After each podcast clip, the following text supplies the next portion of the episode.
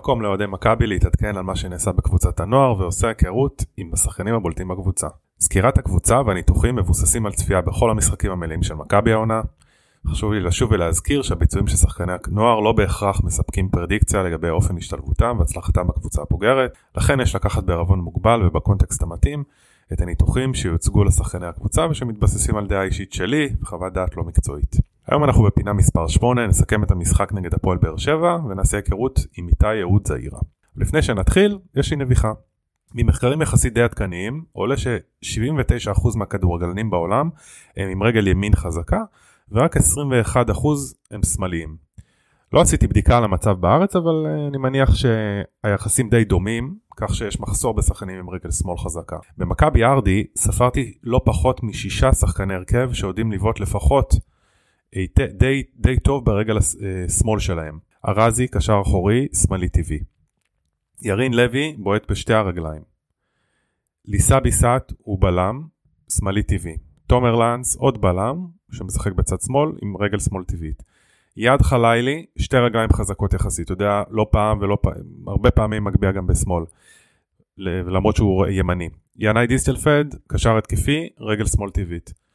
אני חושב שזה נתון מאוד מאוד משמעותי, זה כמעט חצי, יותר מחצי מההרכב, אה, ובעיקר בהיבט של אה, מחסור גם בבוגרים, ואולי אה, צפי לקראת הקריירה של, המשך הקריירה שלהם. אז זהו, אז מכבי, בואו נדבר על המשחק בשבת. מכבי פגשה את הפועל באר שבע בקצף, הגיעה אחרי ארבעה ניצחונות רצופים.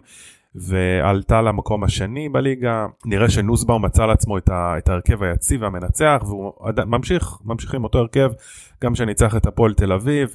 בן שושן בשער, גטאצ'ו על כל קו ימין, חלילי על כל קו שמאל, לנץ בלם שמאלי, איסת בלם מרכזי, ספרונוביץ' בלם ימין, ארזי בעמדת השש, דיסטל, דיסטלפלד בעשר, ירין לוי בשמונה, שראל כהן משחק באמצע ימין ודן חלוץ. אז uh, בואו נדבר על המשחק. מכבי פתחה חזק עם לחץ גבוה ורצון להחזיק בכדור. כבר בדקה השלישית הגיע הראשון. ההגבהה של ארזי למרכז הרחבה, דהן עם התרוממות נהדרת ונגיחה לרשת 1-0. דהן עם השער ה-11 שלו העונה. פועל באר שבע הייתה יחסית קרובה להשוות בשתי הזדמנויות שונות, פעם אחת בסיבוב ובעיטה מעל השער ופעם בנגיחה והצלה של בן שושן מקרוב. בדקה ה-17 התקפה מצוינת של מכבי עם הנעת כדור מהירה וכדור עומק לשטח של ארזי לחלילי שהחמיץ לבד מול השער. תבנית התקפה די נפוצה במכבי, אה, לארזי יש כדורים ארוכים מצוינים. בדקה ה-35 כדור נייח של ירין לוי שהסתיים בריבאונד משחקן של הפועל באר שבע לעומר דהן שהחטיא מקרוב. דקה 37 עוד הזדמנות לבאר שבע שיצא למתפרצת ואחד על אחד מול בן שושן שהסתיימה בביתה החוצה. דקה 40 עוד הזדמנות לבאר שבע, הגבהה מימין, נגיחה מעל השער. מחצית הראשונה הסתיימה ב-1-0 למכבי אבל תיקו האמת היה יותר משקף. חילופים במחצית, ג'אד שיבלי נכנס במקום שראל כהן. בדקה 52 גול ענק שחתום עליו גטאצ'ו יבלו, שחקן המגן הימני שדיברנו עליו בפינה הקודמת. גטאצ'ו התקרב לשחקן של הפועל באר שבע בסמוך למרכז המגרש, חילץ את הכדור, אחר כך דריבל עם סבסוב, דאבל פאס נהדר עם אה, ג'אד שיבלי בתוך הרחבה, קיבל את הכדור ממש במרכז הרחבה ובעט בשמאל פנימה, פשוט מדהים, גול נהדר. דקה 60, הגבהה של יבלו מצד שמאל, אחרי קרן ונגיחה של תומר ארבל ממש מעט מעל המשקוף. בדקה 64 לואי שעבן החליף את עמיתרזי בקישור האחורי ובדקה 71 נכנס איתי אהוד זעירה במקום ירין לוי. דקה 82 כמעט השלישי, מתפרצת יפה שהתחילה עם שעבן שהשכיב שחקן, מסר לדיסטלפד שנתן כדור עומק לעומר דהן שהצליח uh, לעבור את הבלם והשוער uh, ולבעוט אבל הבעיטה שלו נחסמה ברגע האחרון על ידי שחקן אחר. דיסטלפלד המשיך את הריבאונד בביתה לשער ונבלם על ידי עוד שחקן של הפועל באר שבע שממש ממד על קו השער. אחרי דקה עוד ביתה של דהן ממש סמוך לקורה. בדקה 84 חילוף כפול במכבי, יאלי מלכה שנכנס במקום דהן וליאם וטמכטר שנכנס במקום חלילי. על כל קו שמאל. בדקה ה-90 עוד הזדמנות מצוינת למכבי שיבלי עם הקפצה מעל שחקן במרכז המגרש ומסירת עומק ששמה את יאלי מלכה שנכנס ממש לפני, אה, כמה דקות לפני, עם בעיטה שחלפה סמוך לקורה. ובדקה ה-93 סוף סוף השלישי הגיע, וטמכטר עם פריצה משמאל, דאבל פאס עם שיבלי, הכדור ניתז ממסירה למרכז ישר לדיסטלפלד שהשאיר בעקב למלכה, לבד מול השוער, כבש בקלות, 3-0, ומיד לאחר השער השופט שרק לסיום. אז מכבי ניצחה 3-0 בצדק, הראתה שוב יכולת טובה, הנעת כדור מצוינת ומשחק לחץ משובח לפרקים. ויכולת אישית גבוהה של כמה שחקנים. אחרי 13 מחזורים הקבוצה ממוקמת במקום השני עם 26 נקודות, 11 נקודות אחרי המובילה מכבי פתח תקווה. במחזור הקרוב מכבי תפגוש את הפועל ניר רמת השרון ביום שבת, מחר, ה-27 לראשון, 12 ורבע ברמת השרון.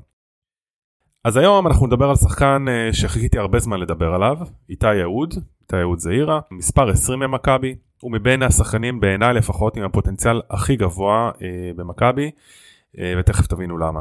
הוא בן 18, הוא קשר אחורי שיכול לשחק, uh, זאת אומרת קשר uh, דפנסיבי שיכול לשחק גם כשמונה גם כשש, משחק האחרון אה, נגד הפועל באר שבע הוא שיחק יותר כשמונה דווקא. הוא שחקן מאוד מודרני בעיניי, הוא יודע ללחוץ נהדר, אוהב לתקוף את הכדור בצורה כמעט מושלמת. זה מתבטא בלא מעט מצבי הגנה, אה, כמו שאפשר יהיה לראות בסרטון שאני אעלה, גם בבלימת מתפרצות, גם בחטיפות בחלק הקדמי או במרכז המגרש. גם בקריאה והמנה של המשחק בצורה מצוינת, כשאין בו, לו פחד להיכנס לתיקולים ומאבקים. הוא שחקן יחסית קר רוח עם אינטליגנציית משחק גבוהה מאוד שיודע גם לשחק מהר ובנגיעה.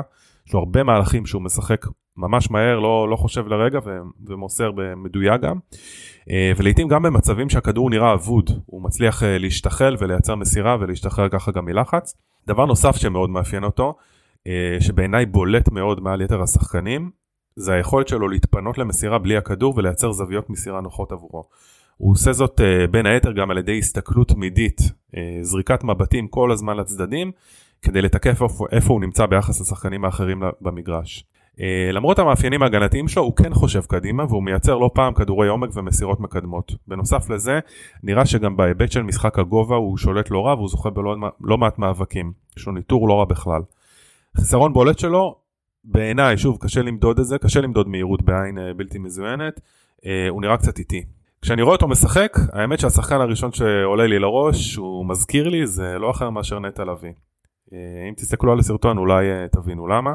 אה, נאלץ להמתין לראות איך הוא יתפתח ולאן נתקדם, אבל אני חושב שיש פה חומר גמר, חומר גלם פצצה. אז זהו, עד כאן הפינה להפעם, שיהיה ירוק עולה וסופה שניים, ובשורות טובות.